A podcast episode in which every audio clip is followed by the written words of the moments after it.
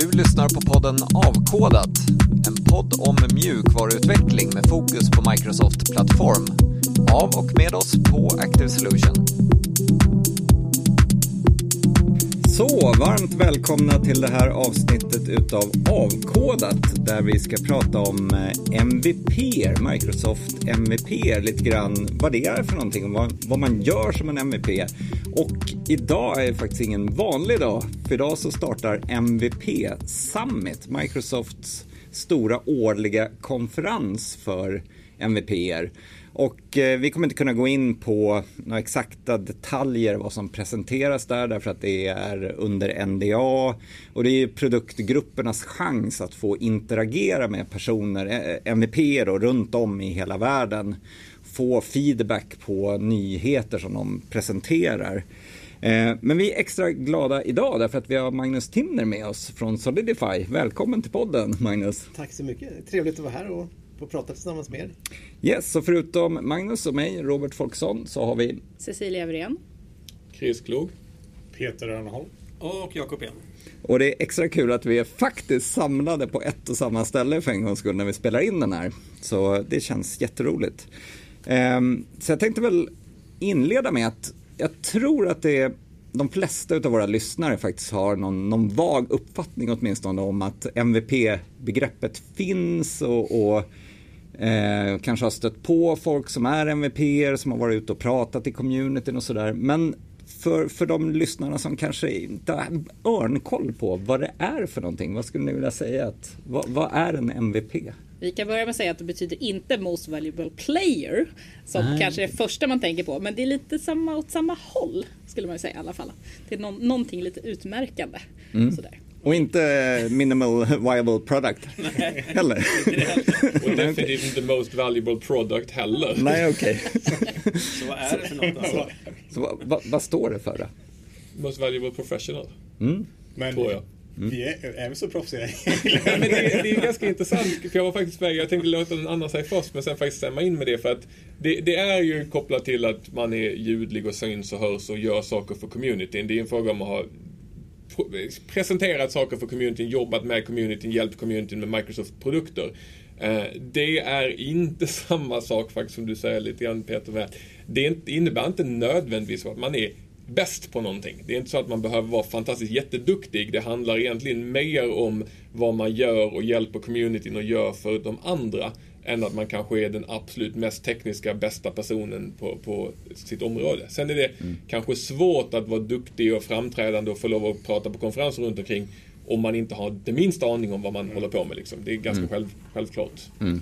Det är ju, alltså, det är ju inte, liksom, inte VM i, i .NET eller så utan det här är ju, det är ju snarare eh, viljan och eh, engagemanget att dela med sig av, av det man har lärt sig eller, eh, och, och, sprida eh, så här, lessons learned, liksom, good and bad och, och hela, hela, på något sätt kopplat till saker som är relevant för Microsoft. Och sen att man håller sig i framkanten inom sitt område tycker jag också mm. och mm. kan dela det med andra människor. Och, och så tycker jag att som MVP har man ofta bra kontakt med produktteam och liknande också. Man känner personer på Microsoft och får höra, ha direktkontakt med dem, kan dryfta olika problem som man kan dela med sig sen. Mm.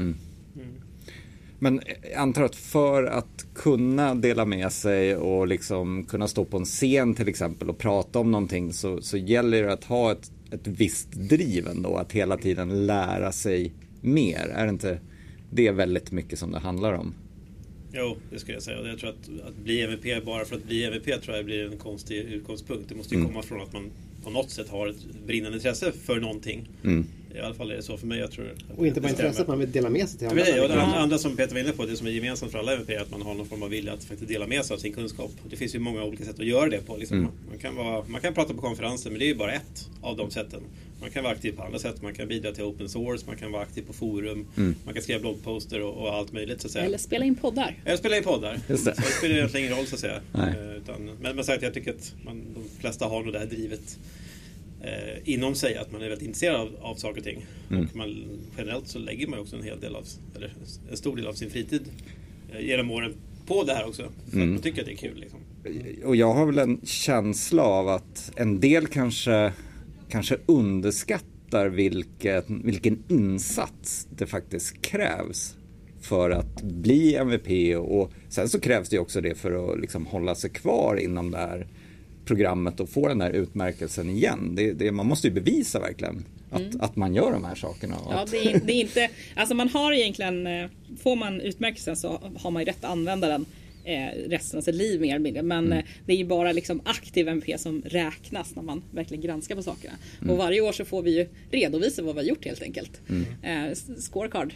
Hur mycket mm. har vi nått mm. ut? Hur många har vi träffat? Hur många user group? Hur många talks? Har vi skrivit något? Har vi gjort Youtube? Eh, och det står vi precis inför nu. Det har deadline om ett par dagar. Så det är alla här sitter. Har du gjort? Har du gjort? Har du fyllt i där? Har du fyllt i det? Har ni kommit ihåg det? Kommer den här podcasten att räknas? Ja, ja det var på när den kommer ut. Sista. Men det är ju men det är också det, det som är intressant är att det är ju faktiskt, man får ju utmärkelsen för det man gjorde förra året. Mm. Eh, vilket ju liksom, det är inte så man måste titta på vad man gjort tidigare och sen, sen är det för oss som är MVP så är det en situation för vi behöver inom situationstecken försvara vår MVP varje år med att berätta vad vi har gjort och förklara varför vi ska fortsätta vara det. Men det är kanske rätt intressant också att veta liksom, hur blir man MVP? Eh, mm. Nu tror jag att det har ändrats lite grann men förr var det ju så att man Initialt var det produktgrupperna själva som nominerade liksom och kom fram till vilka som var lämpliga och sen öppnades det upp så att andra MVP kunde nominera andra personer som inte var MVP att de var lämpliga. Nu tror jag faktiskt att alla får lov att nominera vem som helst. Men jag tror till och med man kan nominera sig Nej. själv. Så var det förut. Är det tillbaka nu? Är det tillbaka nu? till att det är en Microsoft-anställd måste... Ah, okay. Jag trodde det räckte med MVP som... Jag varit nominerad förra året, eller jag blev MVP ah, förra året. Då vet ju du. Ah. då var det en Microsoft-anställd.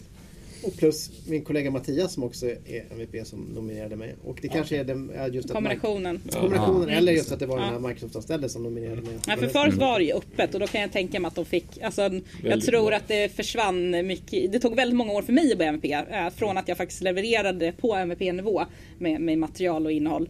Eh, så tog det många år och jag tror för att jag åkte i den här högen med alla som är. Så till mm. slut jag fick en, en sponsor som hade väldigt goda relations mm. med Microsoft, då hade, fick jag chans att komma in. Högre upp i listan Precis, för då mm. hamnar man liksom över bruset. så jag tror att det är bättre att det är lite smalare nu. Sen är det fortfarande bara en nominering. För sen ja. är det ju produktgrupper och grejer som går, så var det i alla fall förr, som, som går igenom och verkligen kollar att det finns en anledning man är där. För jag, jag vet att jag hade ett par Microsoft-människor som har nominerat mig två omgångar innan jag faktiskt fick min som sådant. Och då är det så här, men jag gör mycket, någon tycker att det är värt att göra det, men det, slutändan var det då en specifik produktgrupp som sa vi tar ansvar för det här, den här personen är värd att göra ett MVP. Mm. Det, är också, det vet jag faktiskt inte riktigt hur det funkar idag eftersom nu är ju MVPn så mycket bredare. Man är inte bara liksom på ett specifikt område. Det utvecklar MVP som sådant. Men det där är ju lite hemligt också. Inte ens vi som är med i programmet får veta exakt hur urvalsprocessen och kriterierna går till. Vi vet bara att vi ska ösa in så mycket vi bara kan och sen kan vi hålla tummarna till första juni, juli eh, när vi får resultatet. Förut så var det ju att man fick,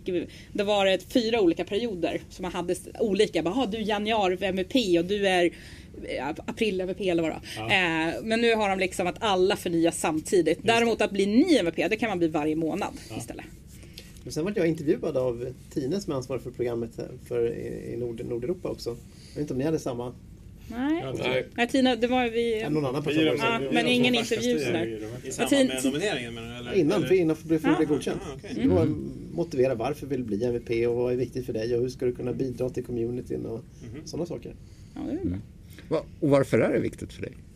Ja, men jag gillar ju och jag vill lyfta andra människor till nya nivåer. Jag gillar att stå inför folk och prata. Jag vill att framförallt de team jag jobbar med ska kunna jobba med de grejerna som jag lär ut. Så de ska kunna bli självständiga, välfungerande team inom DevOps-området som jag jobbar främst. Mm. Det tycker jag är viktigt. Mm. Ja, men, och, och, det tror jag driver väl många som är MVP, just den här viljan att, att bidra och hjälpa och ge tillbaka.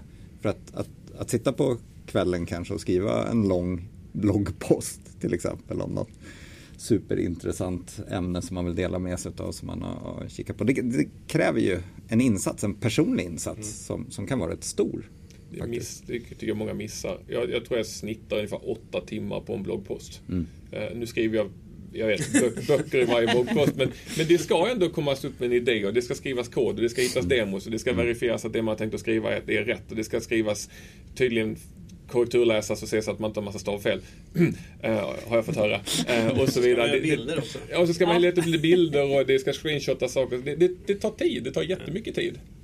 Ja, det är ju, eh, just den där eh, Alltså, jag håller med att, att så här, för mig är det ju att, att, bara liksom sitta och hamstra kunskap, det är ju kanske roligt om man bara tycker om kunskap, men det är på något sätt att, att kunna dela vidare på den. För mig är det en, ett, ett sätt att lära mig, är mm. att lära mig på tillräckligt bra nivå att jag på ett pedagogiskt sätt kan förklara för andra. Liksom. Och kunna våga ställa sig på en scen och få någon som räcker upp handen och ställer en fråga och känna att jag, jag känner mig tillräckligt bekväm på det här ämnet. Delvis tillräckligt mycket självförtroende för att kunna säga att jag inte kan svara på det. Men ändå liksom att veta så här, ja, men jag kan det här ämnet, jag kan lite utanför det jag kommer föreläsa om så jag kan ta en fråga och jag kan i alla fall resonera kring det. Eh, men även också att ha en deadline så här att jag, jag bokar in att den 4 april så ska jag föreläsa nästa vecka. och den föreläsningen är inte klar än men, men då har jag i alla fall eh, har jag ett eh, ansvar mot dem som har signat upp där att faktiskt leverera. Att om jag bara säger jag ska lära mig det här ämnet eller jag ska bli tillräckligt bra. Det, på något sätt så är, att, att eh, då se till att blogga om det eller att hålla en föreläsning det gör att du ändå har någonting i din kalender som där du måste arbeta mot, eh, mot ett mål. Liksom. Mm. Där du får stå till svars lite för, för. Men det är verkligen det här med att dela med sig. För det är ganska intressant. För jag, när jag blev MVP så jobbade jag på Nya Zeeland. Uh, och då jobbade jag på samma företag som en person som heter James Newton King. Som byggde JSON.net. Och om man tittar på vad han har gjort för communityn i form av hans open source-ramverk kontra vad jag har gjort så var han inte MVP.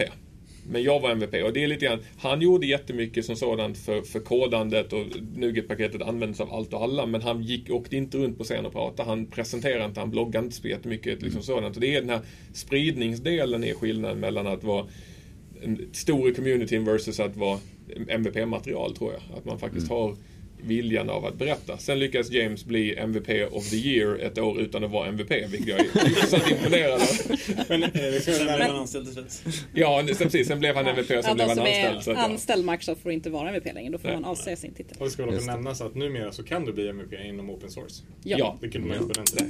Ja, just det.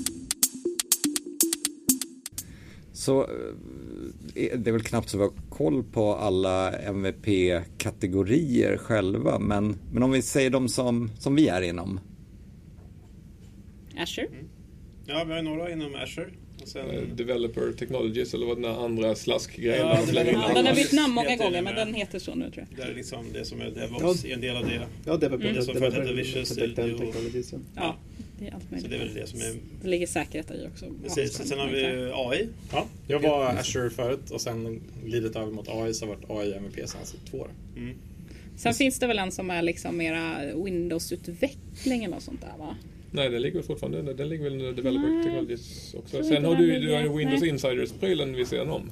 Nej, jag tror att det är ett eget program för Windows. Alltså där, okay. där de håller på och fjantar med SAML och Men det, Briljerar med SAML. Maui och de delarna ligger under. Däremot så vet jag att... Ah, okay, de var en egen ja, de, de hade en egen... Det finns några... Mm. Det har ju varit mycket mindre grupper tidigare. Mm. Det var ju... Jag blev en gång i tiden Silverlight, vilket är extremt specifikt. Och sen så blev jag vidareflyttad till AspNet och sen så blev det eh, .net eller något liknande och nu är det liksom utvecklare generellt. Men det har alltid varit lite roligt att titta för det är ju som du säger, Windows har alltid varit lite speciellt. Office har varit lite speciellt. Xbox har varit lite speciellt och det är för att de har såna fruktansvärda NDA-krav och har andra regler kring hur deras MVP får lov att göra saker. Men de var också de som fick roligast leksaker. Det också var Windows Phone MVP fick Windows Phone Devices och lite sådana saker. Så det var lite olika behandling under perioder som produktgrupperna var ansvariga för, för vad man fick för någonting. Men nu har de bunkat ihop dem till större grupper vilket är lättare att hantera. Power-nivå också va? Power BI-verktygen har väl någon Ja, business application. Egen? Ah, okej. Okay. Ah, ja. Och så ja. finns det väl en för typ Office eller liknande va? Eller ja, om det finns ett generellt namn. Ja. Och sen har vi ju även lite på eh, liksom, vad heter Pro-sidan om man säger så, lite mera... Ja just det, Cloud and Data Center tror jag. Ja, så heter de kanske. De bytte ju namn hela tiden så det är därför vi är lite förvirrade vad de heter. Vi har ingen fusklapp här. Men... Och framförallt är det så här, det är ju... Eh, i och med att vårt bolag inte har det fokuset så, så är det en liten gråzon för oss exakt vad alla de där kategorierna är.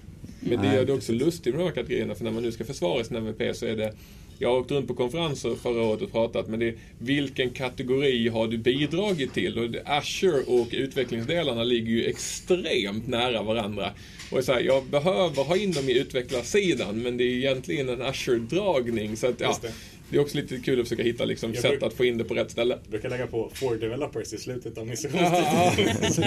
Det, för det kan ju vara lite vanskligt att, att försöka på egen hand och byta kategori. För att man eh, är ju den kategori man är, de som har granskat tidigare känner till en, de jämför man har gjort tidigare år kanske och jämför med andra människor. Om man helt plötsligt bara börjar rapportering på en ny, då blir man ju som en ny person. Det blir nästan som en ny MVP. Och oftast kräver det att man kanske har liksom internt pratat om det så att de vet att man är på väg att byta. Men, men vi har ju fler här som har bytt eh, också. Så att, så att det är möjligt, men det är lite farligt. Man ska hålla sig på sin kant. Sen försöker ju Microsoft vad jag förstår även aligna ut vissa saker. De, de, jag vet att de för något år eller två sedan sa att det var dags att göra Azure-delen lite större. Och då var det så här. Jaha, du är utvecklare MVP, men det, jag, jag ser här att du har haft lite Azure i dina prylar också. Flopp! Så var man helt plötsligt Azure MVP. Så att de, Microsoft försöker ju också justera det så att det blir liksom rimligt. Och det är ju faktiskt möjligt att vara dubbel-MVP också. Ja. Just det. Det är ju några som, som, som Det är är som att ha så här dubbelexamen. Det är Ja, mäktigt. Det är ju lättare såklart när de ligger nära varandra. Och också precis lika meningslöst som dubbla examina om man ska vara så. Ja, för man får, ingen, man får ingenting dubbelt. Nej, det blir ingen bonus Det är bara dubbel ångest man ska fylla i rapporten. Men en av de riktigt stora fördelarna det är väl ändå också, förutom liksom den här känslan för en själv att få ha ett incitament att lära sig mer och få dela med sig och få med i communityn och kunna tala och liksom vara med på konferenser så är det väl interaktion med produktgrupperna lite grann och, och kunna få ja, dels få veta saker kanske lite tidigare och få, få lite nyheter och sådär presenterade förlåt, för sig lite tidigare men också att kanske kunna ge feedback tillbaka till dem. För där finns det ju liksom speciella kanaler för MVPer där man kan ha direkt interaktion med produktgrupperna. Det, jag vet inte hur mycket, hur mycket ni använder dem eh, själva men, men det måste väl vara en av de riktigt stora uppsidorna också tänker jag. Det, det var det. Ja. Det, det, det beror ju väldigt mycket på var man hamnar någonstans. Om man sitter på .NET-sidan där allting är open source och där alla frågor man ställer blir, eh, lägg det som en GitHub-issue så att allmänheten får tillgång till det. Eh, sista in-person MVP-summiten vi hade i Redmond, det var till och med alla sessioner utom en var live, livestreamade till allmänheten. Ah. Den är, för, för mig har det varit intressant att se den för när jag var Silverlight MVP så var det ju gruppen och jag hade liksom en annan kontakt med dem och andra vägar och andra frågor. Vi blir ombedda, kan ni titta på det här? Här är en beta-version eller här är en alfa-grej som ni kan ladda ner och testa och köra och så vidare. Nu, för mig har det blivit helt annorlunda. Eh, å andra sidan så ger det mig fortfarande möjligheten att få kontakt med rätt personer. Så f- även om de inte kommer att fråga så är det fortfarande så, har man problem i ett projekt eller någonting så vet jag ju personen man ska kontakta och så mejlar man den och säger du har du och så blir man antingen vidarebefordrad eller så kan man ta det direkt Och med det du säger och dina åsikter kanske kan man hoppas väger lite mer än, än alla för de vet vem du är och, och Ja, det ja. de säger kanske borde vara vettigt. Jag vet for a fact att faktiskt vissa in-kanaler hos Microsoft när man meddelar eh, feedback via olika kanaler eh, om man har en e-mailadress som är kopplad till en MVP så blir man lagd i en separat hög eh, som faktiskt ger en förtur på feedbacken. Sen har ju vi också möjlighet att eskalera tickets. Eh, som MVP, vilket kan ju, kan ju vara väldigt nytta, speciellt vi som jobbar på konsulter och liknande. Att vi har liksom, så att, så att vi, vi har ju lite fördelar, det kan man ju säga. Och, det, och framförallt just med feedback-grejen, att det som jag tycker är kul att även ett sånt gigantiskt multinationellt eh, superbolag som Microsoft jobbar ändå enligt modellen som vi förespråkar. Att så här, men early feedback, ta in eh, feedback, lyssna in, vad har ni för liksom, kundcase, vad har ni för liksom, world eh, Alltså allt ifrån när jag ska hålla en demo till hur, eh, den typen av grejer till att vi har det här scenariot att det här API-anropet kan inte ta in den här? Och, och liksom hur eh, Ja, men lite grann istället för att bara lyssna på stora viktiga kunder som kommer med feedback så är det gräsrotsnivå. Ja, det är Ja. verkligen vi som jobbar ute i, i liksom på flera olika typer av företag som, som är med och ser väldigt mycket som kan fånga upp de här sakerna. Och då kunna föra en dialog med det. Liksom, att det, Ja. är, det är inte bara ett formulär på så här, en hemsida där man fyller i eh, någon byråkratisk grej som namnar i något ticketsystem någonstans. Utan det är så ett, Teams-call med produktägaren eller med Ja. utvecklarna på den här grejen. Och som så här, ja men hur tänker du då? då typ, och skulle det här vara inte, om vi gör så här då? Och sen så liksom sitta och iterera och, och, och, s- liksom rita om. Eller ja men okej, jag skulle vilja ha ett API stödjer den här. Varför? Och så liksom de försöker förstå vad är kundcaset? Hur kan vi göra så att det passar flera och hela den biten.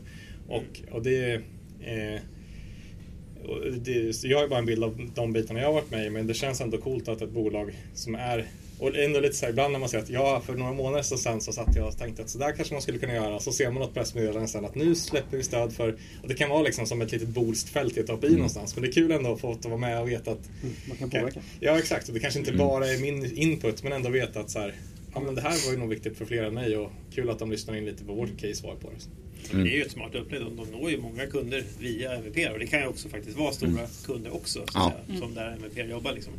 Så det är ju, det är, man förstår ju Microsofts incitament till, det är klart att det är bra att, i sig att vi åker runt och delar med oss av saker och kunskap om deras tjänster men den här kanalen som de får är ju väldigt, väldigt värd. Sen tycker jag att vissa produktgrupper har varit och är bättre på att plocka upp det kanske. Mm. Hur hög grad? Det, det är ju väldigt styrt av gruppen av personerna. Mm. Mm. Och det tycker jag är en av de roligaste grejerna för MVP att få, få lov att komma nära produktgrupperna och få komma nära Microsoft. Att faktiskt titta på hur funkar Microsoft?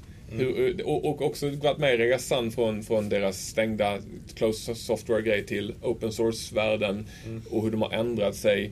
Eh, men också liksom vara med och se hur, hur är beslutsprocesserna? Hur gör de innan de tar ett beslut? Jag vet många gånger har man suttit och varit irriterad över att Microsoft har tagit något beslut och bara tänkt att ni har ju hål i huvudet, ni har gjort helt fel, det här hade varit mycket, mycket bättre på det här och det här viset. Jag, jag vet framförallt vid tillfälle jag pratade med, med Scott Hunter om när de bytte från Project Jason till CS Proj. Och jag bara, det här är, ni är helt, ni är helt fel i huvudet liksom. Ja, och så säger han, ja men förklara för mig varför jag gör fel. Så bara, men här är mina så sex anledningar. Han bara, ja, men jag hör vad du säger, vi har alla de sex med, men jag har 42 andra anledningar som gör att den andra lösningen är mycket bättre, som jag har hört från som du säger Peter, från andra bolag, andra MVP, andra förutsättningar. Mm. Jag har alltid blivit väldigt imponerad över hur de lyssnar på allt och alla har väldigt mycket fakta bakom mm. mycket av sina beslut. Jag säger inte mm. alla, men mm.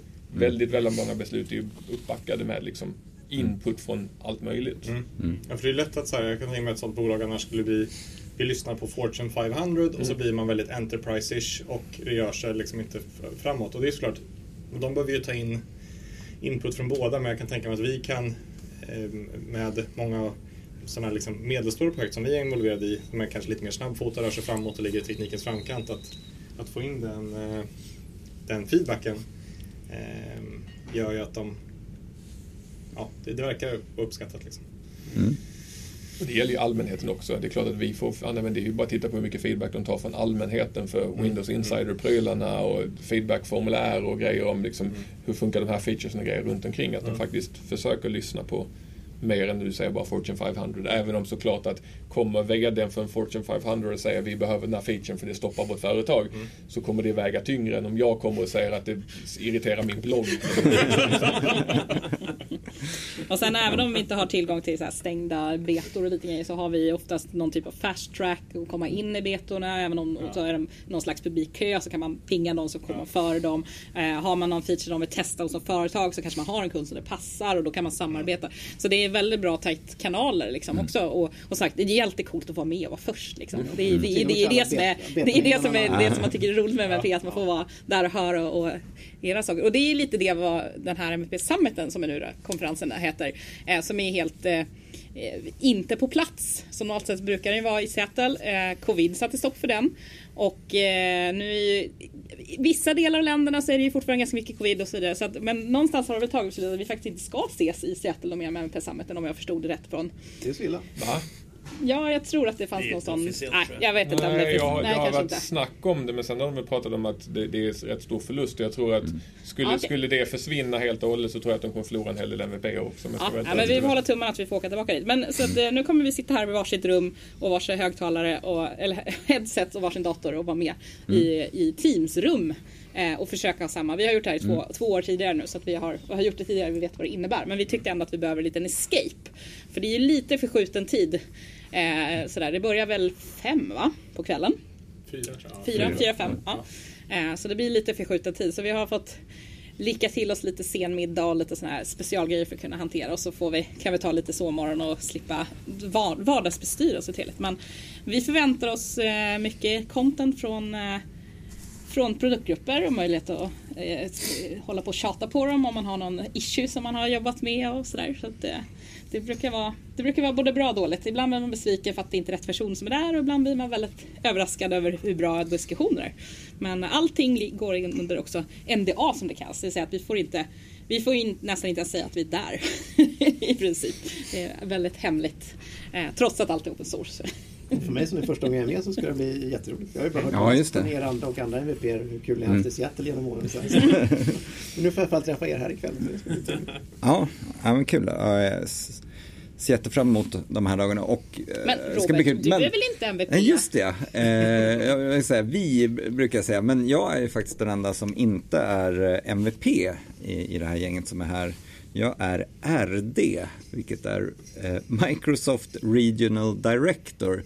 Eh, och det var någon som sa att det är nog den mest missvisande titeln i hela världshistorien. Därför att man är inte anställd av Microsoft. Den är egentligen inte regional på det viset och jag är inte director över någonting. Men eh, det är man kan säga att det är, en, det är en liknande utmärkelse som MVP-programmet men den ges till personer som arbetar mer affärsinriktat och oftare lite bredare. Eh, så att ett kriterie är att, eller meriterande för att vara med i det är, är att man till exempel har, har koll på annat än Microsoft-plattformen till exempel. Och det är fortfarande personer som är med i communityn och är med och bidrar på olika sätt men Eh, ofta personer som är med och driver eller leder företag eh, är väldigt vanligt i, med den här gruppen. Så att, eh, de vill att man ska ha ett, ett större affärsfokus. Så att blanda skärningspunkten mellan affär och teknik är egentligen det som, som alla som är med i RD-programmet brinner för. Eh, och eh, en av uppsidorna med att vara med i det då, förutom att det är ett fantastiskt nätverk och också få interaktion med Microsoft och möjlighet att prata med produktgruppen och så, är att jag får vara med på MVP-summiten också. Jag får flyga med lite grann, eller ja, sitta, sitta med via Teams. Men ni är inte lika många va? Eh, nej, eh, vi är ett par hundra eh, också då över hela världen. Jag är faktiskt osäker på den exakta siffran. Många i Sverige idag. Har du koll på det? Eh, vi är tre stycken i Sverige. Så att, uh, vi, är inte, vi är inte alls lika många. Jag tror den bästa förklaringen jag har fått på RD, för det är en väldigt flummig titel, mm. för väldigt få som har koll på det. Min gamla chef eh, Chris Old var ju också, han var MVP och RD. Mm. Hans förklaring var MVP för folk som får betalt för att göra det. men, det, men det är ju liksom, det är ju det är inte community riktat på samma vis. Det är mer Nej. en businessgrej som du säger. Men det är ungefär samma sak fast mm. för businessfolk. Det kan man säga. Och sen mycket mer exklusivt. har ni egna dragningar då? Ni egna, antar att egna... Ja, vi, vi har en dag som är vikt åt liksom bara RD-programmet då, mm. som faktiskt är nästa vecka. Men i övrigt så får vi vara med på, på det övriga MVP-summiten. Och om ni lyssnare tycker att det skramlar lite grann i bakgrunden så här att vi, vi står utanför. var, vi, vi, trodde att det var bäst akustik här utanför vårt konferensrum. Men de börjar duka upp inför fikat här så det, det är kanske en cue för oss att, att avrunda det här avsnittet. Cue för oss att avrunda det här på tal om, som avsnittet. Eh, eh, Regional Directives finns det tre i Sverige. Hur många, mm. jag har kollat upp, MVP är några fler. Runt 80 80 totalt här för mig i Sverige. Ja, vi är ju ganska många i Sverige om man jämför våra nordiska grannar ja. i alla fall. Men eh, inom de områdena vi lite mer liksom utvecklarfokuserat så är vi kollade upp att det var 32 tror jag. Två, ja. Så det är ganska mm. stor representation av svenska MVP i det här rummet just nu. Mm. Mm. Och en intressant sak, eh, Magnus, jag tror att ni på Solidify och vi tänker nog ungefär ganska lika kring nyttan utav att ha MVP i företaget och liksom hur man jobbar kring det. Vi har hört som en del andra där, man kan väl säga att det, det, det är inte alltid som nyttan av att vara MVP har haft en stor förståelse i företaget. Men där tror jag vi tänker ungefär lika, att det är ju liksom en del utav vår, ja, vår kultur. Och, vi vill ju promota människor ja. bli någonting och visa upp sig utåt. Och ja. Vi betalar ju konferenser, vi betalar mm. flygresor viss del av jobbet vi gör får man göra på arbetstid och sådana saker också. Och så det är, vi är stolta över våra MVP och vi vill ju att fler ska bli MVP för vi tycker att vi vill ju hjälpa, hela företaget vill hjälpa communityn och vi har ju glädje av, företaget har ju glädje av att vi har duktiga människor som mm. pratar, kan det de pratar om också. Mm. Mm. tillbaka till det vi sa med att det, det innebär kanske inte att man är bäst på någonting för att man är MVP. Men det finns ju ett mindset hos MVP, liksom att vill, vilja vara ny, man är nyfiken, man vill lära sig nya saker, man vill dela med sig. Så att Förutom att jag, min personliga åsikt är liksom, visst för ett företag så fungerar man lite grann som reklampelare för man syns rätt ofta på rätt många ställen. Liksom. Mm. Men det är ju också den delen att internt kan man utnyttja det faktum att man har MVP för de, de vill gärna dela med sig. De gör säkert dragningar internt och de tittar på nya saker och hänger med lite grann och de har de här Microsoft-kontakterna som sådant. Så det känns som att det finns rätt mycket vinst men det är som du säger, det, det, för min del har det krävts ett, ett, företag som är beredd att satsa på det för att det ska funka. För det, det tar tid, det tar mm. energi att, att göra det. Mm. Och just det där också att eh, det är ju, som konsulter så jobbar vi ju såklart brett med liksom allt ifrån kanske äldre system som inte är liksom latest and greatest och så, men ofta med då eh, vi går ju ofta kanske in där med, eh, med ambitionen och på uppdrag att liksom modernisera, men att det är ändå att vara konsult inom liksom cutting edge teknologier som jag ändå anser att vi båda våra bolag är, mm. är ju, gör ju att det blir lättare att liksom ha koll på teknik eh, som man sen kan föreläsa om. Liksom. Att få lite så här, from the trenches story, att få, få insikt i ja, men nu har jag suttit, som du Chris, ja, men du har suttit med, med det, eh, infrastructure as code i ett år eller någonting sånt där på ett mm. eller annat sätt. Och då finns det ändå lite war stories att berätta när man sen står på scen och, och föreläser om det. Liksom. Precis, vad, vad som händer på riktigt. För det är, precis det här med att stå på scen och berätta om någonting som... Det händer ju att man läser på någonting för att kunna presentera. För en intro kan man göra ganska lätt. Men då blir det oftast ganska gulliga historier. Du som säger, när, de här historierna när det är på riktigt. Mm. När det finns begränsningar och, och, komplikationer och saker som inte riktigt är, mm. är optimalt. Det följer med. Det är ofta liksom. de, de mest populära föreläsningarna ja. också. Ja, det är sånt som folk vill höra om. Sen när man har löst problemen, kanske själv eller med kollegor eller kopplat in Microsoft mm. eller GitHub och fått hjälp med de här olika sakerna. Mm. Mm. Det, ger också lite mer grund att faktiskt, eh, man kan också svara på frågor på ett annat sätt. Ja. Och liksom, eh, gå in på sidospår. Än om du bara har lärt dig liksom, teorin om det liksom, och inte riktigt använt det. Så är det. Så är det. Eh, nu börjar det serveras kaffe här i, precis i lokalen så jag, jag, tror det är våran cue att eh, avrunda lite grann. Eh, men flera av oss kommer ju vara på Devsam, på tal om communityaktiviteter som, som vi kör framåt. Eh, som är 19-20 maj, säger jag rätt nu? Det stämmer. Ja. Eller om det är 20 21 men där kring. 19 och 20 november, det är workshop eh, dag, dag innan och sen så eller? 1920 står det i min kalender. 1920, ja.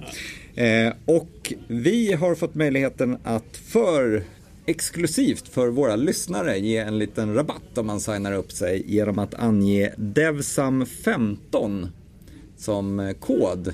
I, eh, så man anger den hemliga koden DEVSAM15 när man signar upp sig så får man 15% rabatt på DEVSAM. Så kommer Devsam 90. Känns som man skulle kunna skriva lite enhetstester för den här rabattgivaren. Ja, eh, så, och det, det ser vi fram emot. Eh, Devsam jag eh, tror att det kommer bli en fantastisk trevlig konferens. Verkligen. All right. Eh, ja, men eh, då får vi tacka dig som har lyssnat. Jag hoppas att eh, du har, om du inte känner till det innan, en, en idé om vad en MVP är och gör. Kanske en, eventuellt vag, men ändå lite uppfattning om vad Regional Director-programmet är också. Och eh, hoppas att eh, du anmäler dig till Devsam om du inte har gjort det med Devsam 15-koden och eh, så hörs vi nästa avsnitt av Kodat. Tack för att du har lyssnat. Hej!